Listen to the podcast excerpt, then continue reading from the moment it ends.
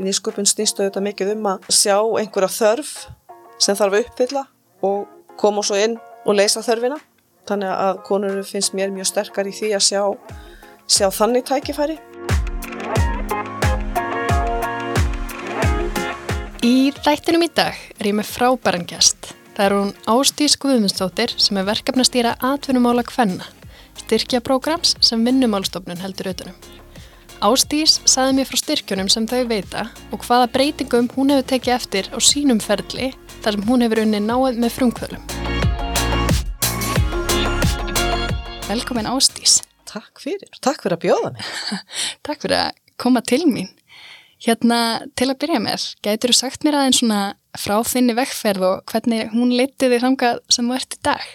Já, alveg sjálfsagt. Ég er nú reikvikingur upplægi, svo fluttist ég út á landsbyðina og var þar á Ísafyrði og bjóð svo á söðakrokki mjög lengi.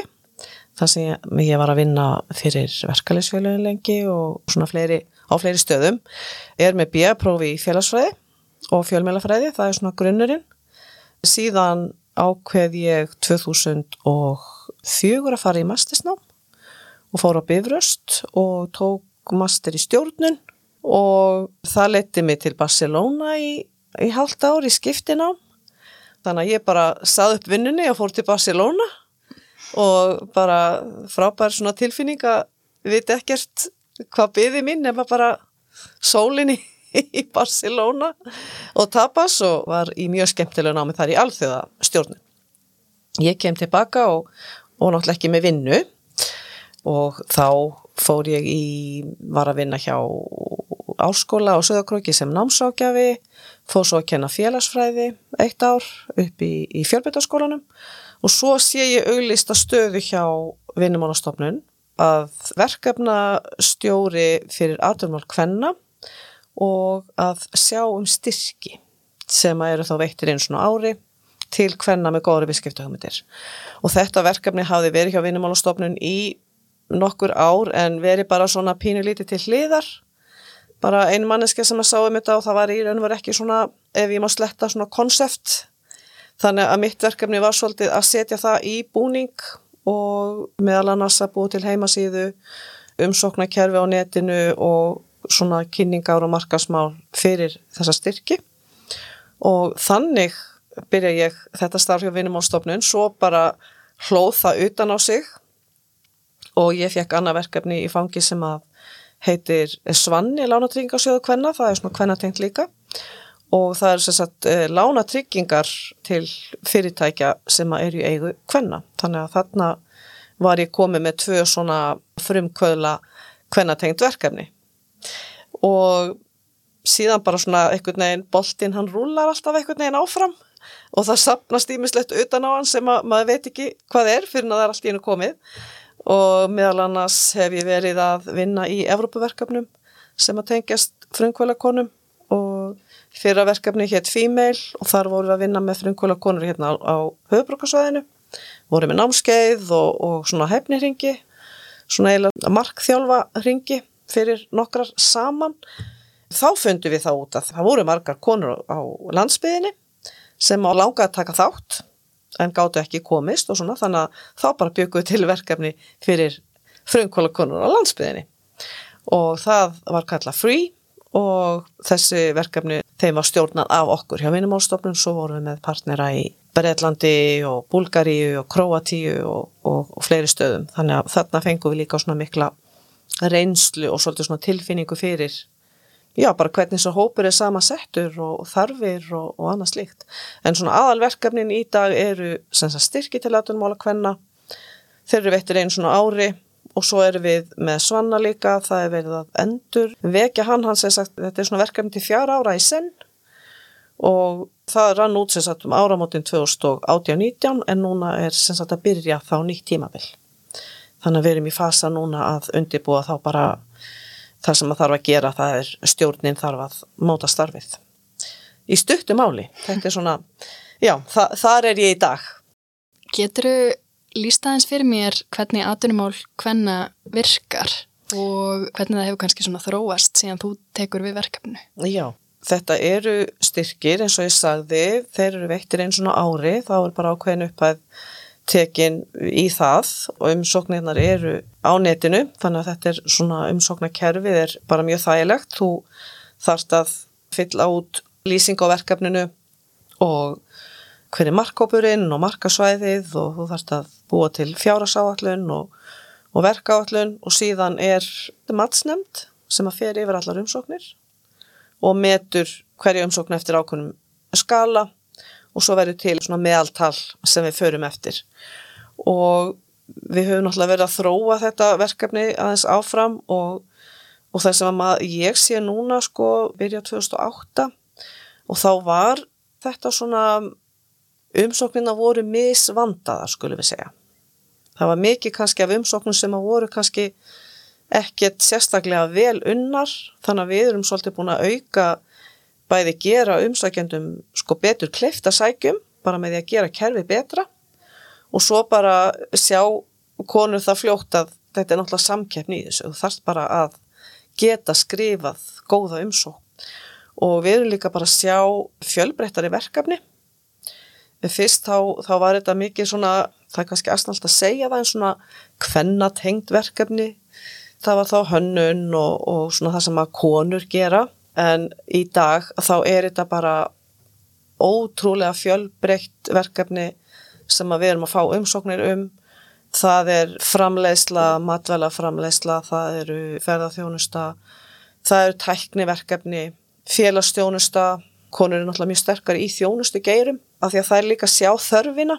Nýsköpun snýstu þetta mikið um að sjá einhverja þörf sem þarf að uppfylla og koma svo inn og leysa þörfina. Þannig að konur finnst mér mjög sterkar í því að sjá, sjá þannig tækifæri bara í félagsstjónustu og helbriðstjónustu og annað slíkt.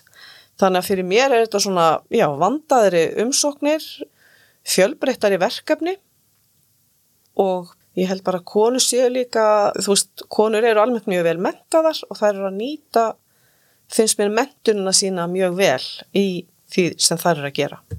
Svona í stuttumáli, þá myndi ég segja að þetta væri svona mín sín á þetta. Þessi verkefni sem að hafa verið að fá styrki, hversu mm -hmm. langt á leir eru þau almennt komin? Við erum með svona tvennskona styrki, við erum annars vegar með styrk til að gera viðskipta áallun og það er bara einn tala sem þú fær til þess að búa áalluna til og það eru þá augljóslega verkefni sem eru svona byrjunastígi.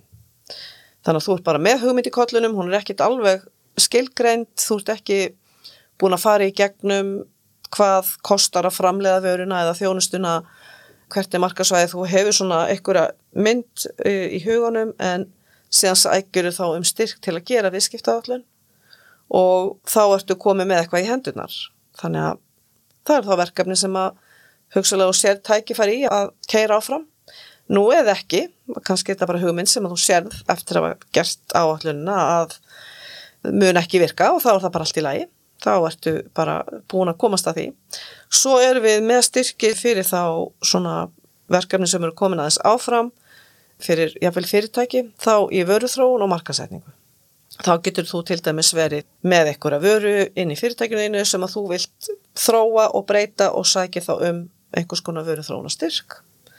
Og síðan ertu þá komið vöru í framlegslu og þá ertu farin að spá í markasetningu og getur þá sóttum fyrir því sko. Þannig að þetta eru svona þrannskona styrki sem við erum að veita.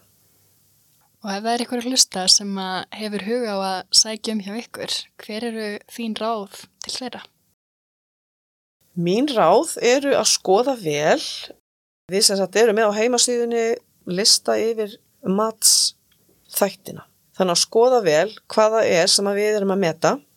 Við erum að meta nýnami, við erum að meta fjárhásáallun og verkaáallunina markassetninguna þannig að skoða vel kriteríuna á heimasíðinni og reyna síðan að vinna umsóknuna þannig að þú sést að tikka í þau bók sem að þú sérð að þeir eru að skipta máli. Ég menna ég nefnir sem dæmi þú ætlar að fara að stopna tísku vöruveslun og flytja inn född.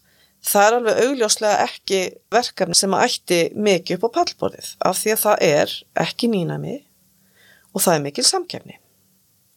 Þannig að þá kannski bara til þess að eigða ekki tímanum í eitthvað freka þá að eða honum í eitthvað annað heldur en að sækjum styrk sem að í raun og veru er svolítið sjálf gefið að þú myndi ekki fá. Já, þetta nýnami er mjög sterkur þáttur þó að það sé náttúrulega svona alltaf pínu svona, þú veist hvað er nýnami. Það þarf ekki að vera ykkur glæni vara sem að bara enginn hefur fundið upp. Það getur verið vöru þróun að bæta nýja vöru eða bæta vöru eða bæta þjónustu eða eitthvað slíkt. Og að vinna umsóknuna vel, fá ykkur til að lesa yfir, ekki hafa hann of langa, heldur svona hnit meðan taksta og hugsa alltaf svona þjótt að búa til umsóknina hvernig get ég selt hugmyndina þeim sem eru að fara að lesa því þetta snýst svolítið um það sko þú ert að, að selja mér. Þú ert að segja um eitthvað, þú ert að, að selja mér að ég eigi að láta þig hafa styrk. Sumir kannski þurfa aðstóð við að skrifa.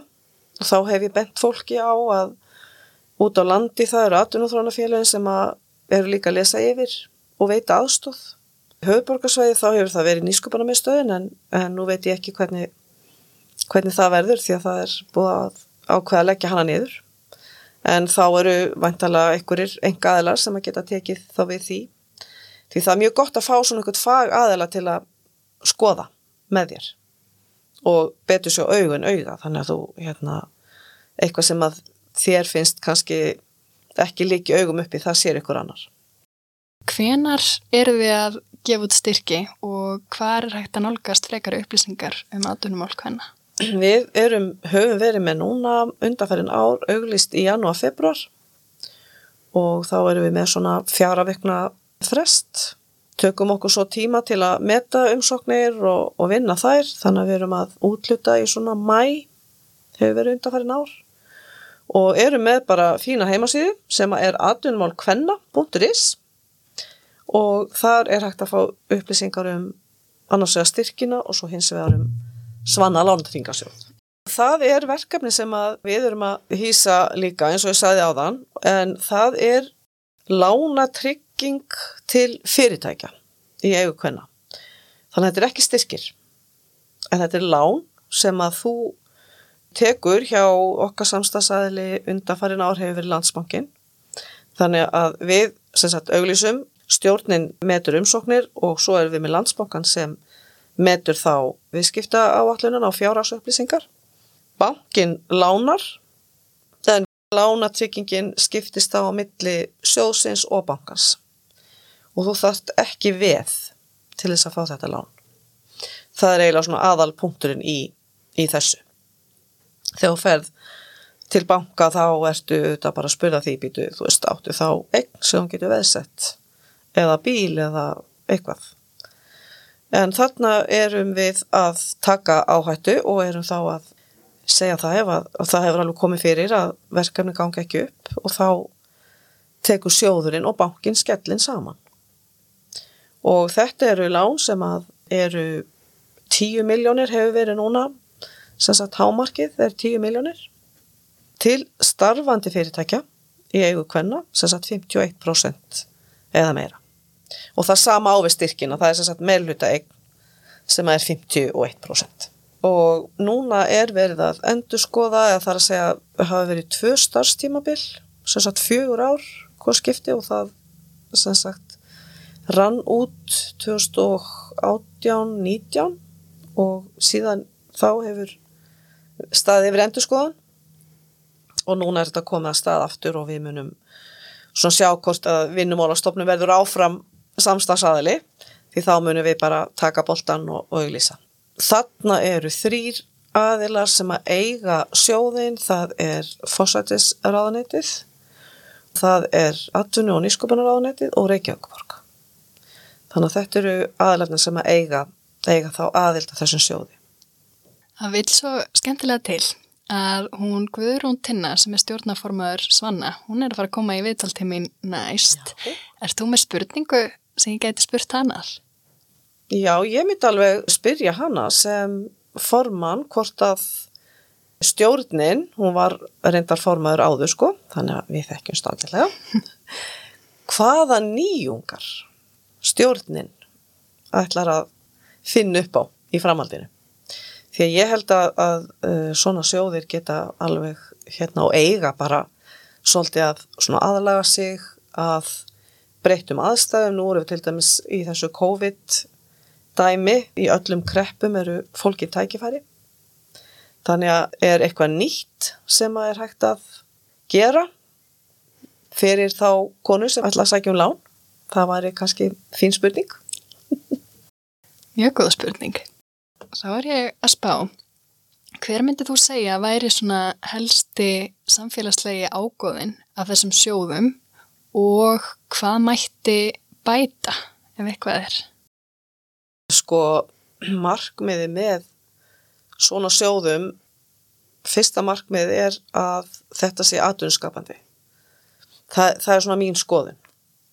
Og þegar sé aðunskapandi þá er ég ekkit endilega að tala um að við séum að fókusa á einhver risaverkefni sem að skapa hundrastörf.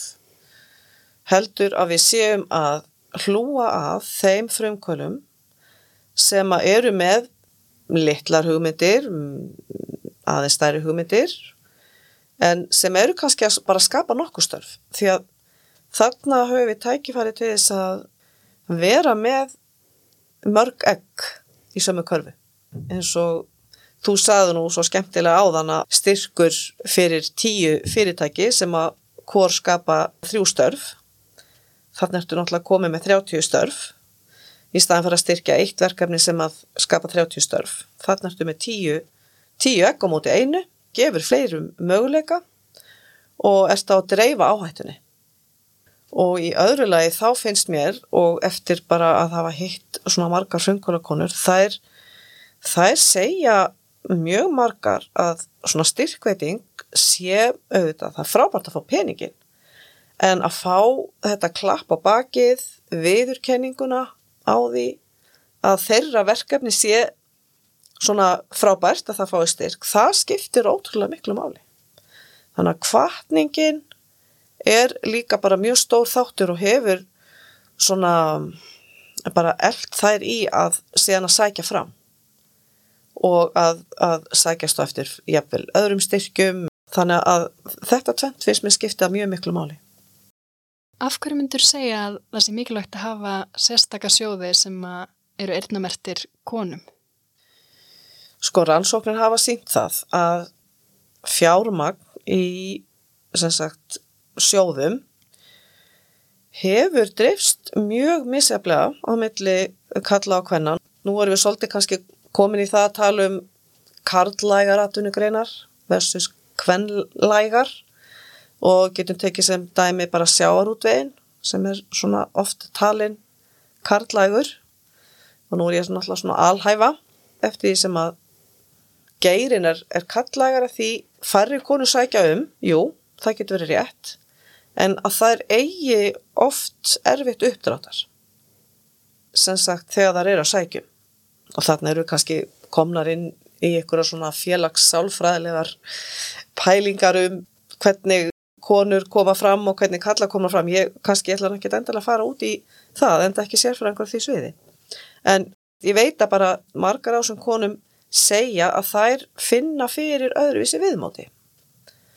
Þannig að verður við kannski bara vera meira meðvitaðar eða meðvituð um að það er mismunum millir kynjana og reyna að mæta fólki þar sem það er í staðan fyrir að tróða konum inn í ekkur card-like box nú eða öfugt. Þannig að kannski þurfum við aðeins að spá í það. Þannig að við höfum verið náttúrulega með þess að styrki síðan 1991 þannig að á næsta ári þá eru 30 ár og við erum að výsa í greini jafnbreytislögum sem að, að það er þessi jákvæða mismunum.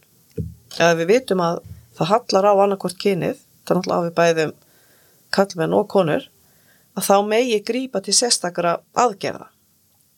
Og það er raun og verið það sem að þessi svona sjóður raun og verið byggist á, og við fáum þessa spurningu á hverja ári, kallarnir ringja og spyrja, hvena fáum við okkar styrki? Og þá reynir maður að útskýra þetta fyrir þeim að þarna halli á annarkynið og þess vegna séum við með þessar sérstök útlutanir.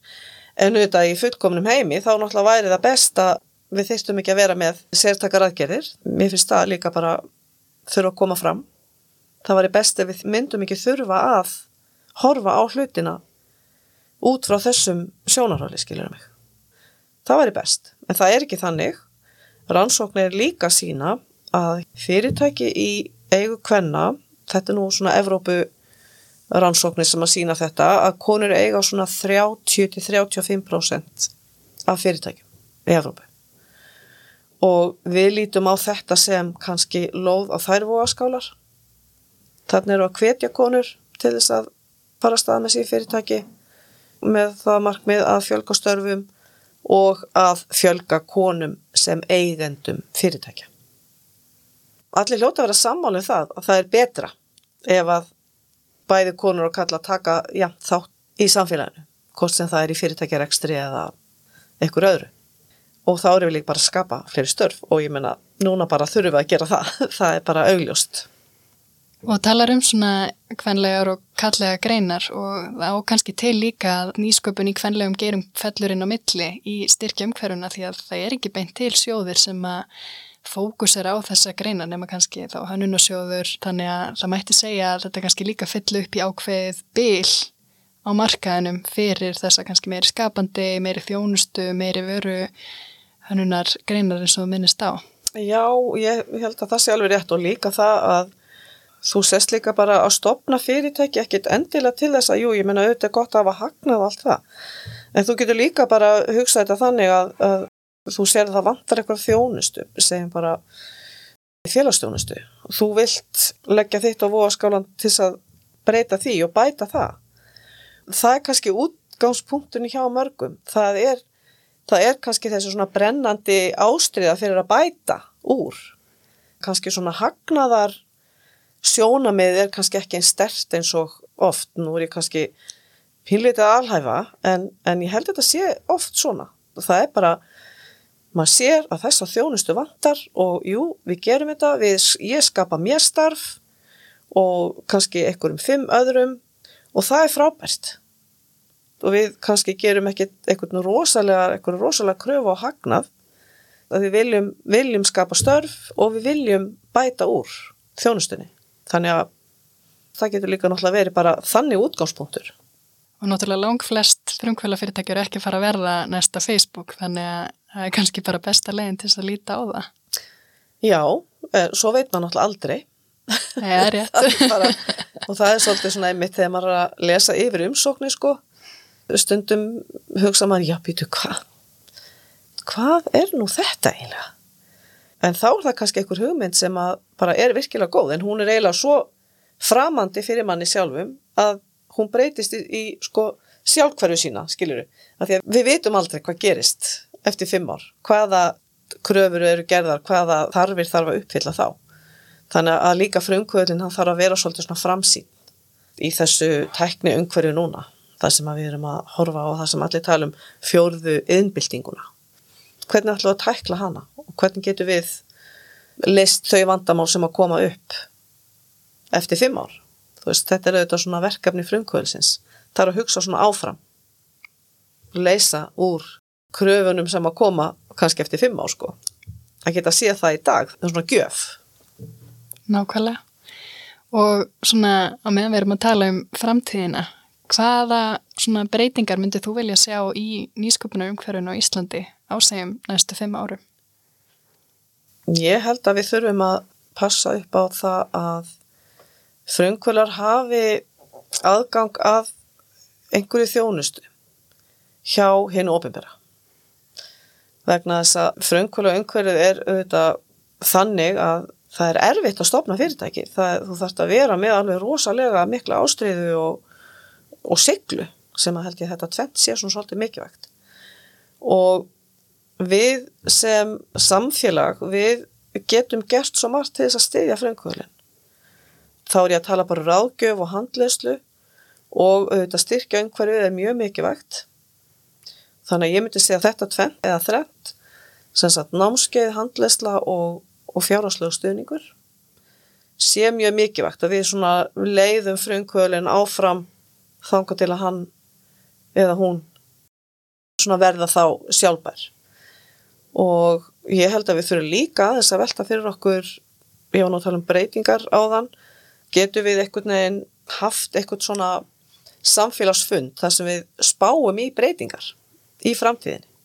Og hvernig við, bara Íslendingar, getum bara komið inn í það svolítið stert. Við höfum alveg mjög gott velmenta fólk á Íslandi og við höfum þess að mikil mannauð og við höfum svo mörg tækifæri. Þannig að hvernig getur við kannski brugðist við núna við þeim breytingum sem að eru bara að koma og maður hefur séð það svolítið stert bara í gegnum þessa sex mánu sem að hérna, COVID hefur verið með okkur að, að, að nú eru bara allir allt í hennu bara farnir að vinna heima og það er allir bara orðin sérfræðingari að nota Teams eða Zoom eða eitthvað. Bara COVID það pressaði okkur svolítið að fara að gera nýja hluti. Þannig að það, það var svona pínu utanakomandi svona afl sem að svona let mann fara að hugsa pínu þetta öðruvísi. Og ég held að vinnumarkaðinu eftir að breytast heil mikið að þú bara geti fengið svolítið val. Þú veist ég ætla að vinna heima þarna þess að daga tóta í viku eða ekki, ég menna þá eru við að sjá bara breytt landslag í samgöngumálum og, og ekki eins mikið ála á samgöngukerfinu og allt það Þannig ég held að við þurfum að svona undibú okkur kannski fyrir það sem að mun koma og er eiginlega bara svolítið byrjað að koma. Og bara svona lókum, hver myndur þú segja væri svona þín kvartningar orð til hvenna sem að hafa frumkvæla genir í sér? Ég held að það sé sko svolítið þannig að ef að þú finnur svona í hjartanu að þið langar að gera eitthvað það, það er nú oftast þannig sko að maður áhegilega að gera það sem mann finnst skemmtilegast og eða flest allir frumkvörður held ég sko eru að gera það þar sé að þú myndir aldrei stopna fyrirtæki við eitthvað sem þeim finnst leðilegt skilur þau. Þannig að kvartningin er hérna innafrá að finna áhugan, finna ástriðina fyrir því sem að þú vilt gera og móta hugmyndina sko því að þetta snýst líka svona mikið um personlega hæfni svona það sem maður kalla soft skills að ebla þína personlega hefni til þess að geta tekist á við það að vera frumkvöld. Mér finnst til dæmis bara segla vera eitt af því sem að mér finnst einkena frumkvöla alla. Þú bara til þess að geta haldið þessu gangandi þá verður að hafa seglu og þú eru líka kunna að til dæmis að vinna í teimum og að frumkvöld, það er mjög margi frumkvöla sem að er að vinna einir og ég myndi líka segja við þá að fyndu eitthvað með þér sem að hefur þá kannski einhverja hæfni eða færni sem að þú hefur ekki. Af því að mér erst ég sjá mun á þeim frumkvölum sem að vinna einir og þeim sem er að vinna í teimi. Það er bara miklu auðveldara. Þú ert þá að fá fólk með þér sem að kannski hefur ekki alveg að sam og þú og þið bæti hvort annaðu og láta vaða. Ef þú hefur áhugan, ef þú hefur ástriðina láta vaða. Er eitthvað sem þið langar við að bæta? Bara kannski að segja bara lokum að skoða bara vel möguleikan hjá okkur og það bara má hafa samband við, við okkur og, og við gerum það mjög oft svona spekla hugmyndir ef einhver er að spá í að sækja um styrk eða lán að þú veist taka eitt símtal eða fund og, og svona fara aðeins yfir hugmyndina því að það er oft þannig að maður er kannski með hugmyndina í kollinum svolítið einn og, og bara að tala um hana er mjög gott, svona speikla við aðra. Og já, það eru bara allir velkomnir í, í svoleiðis spjall til okkar. Frábært. Takk hjálpa fyrir komuna og fyrir gott spjall. Bara takk sömulegis og bara gangi ykkur vel. Takk, sömulegis. Það var mjög áhugavert að spjalla við Ástísi. Hún hefur heldur betur frá mörg að segja og starfi sem hún vinnur hjá atvinnumálum hvenna er frábært. Ég mæli með því að sem flesti hvennfrumkvölar skoði vefsíðuna þeirra og kynni sér hvort þeirra hugmynd getur verið styrk hæf. Í næsta þætti ræði ég við Guðrunu Tinnu Ólafstóttur, stjórnarforman Svanna Lánasjóðs hvenna. Þánga til næst!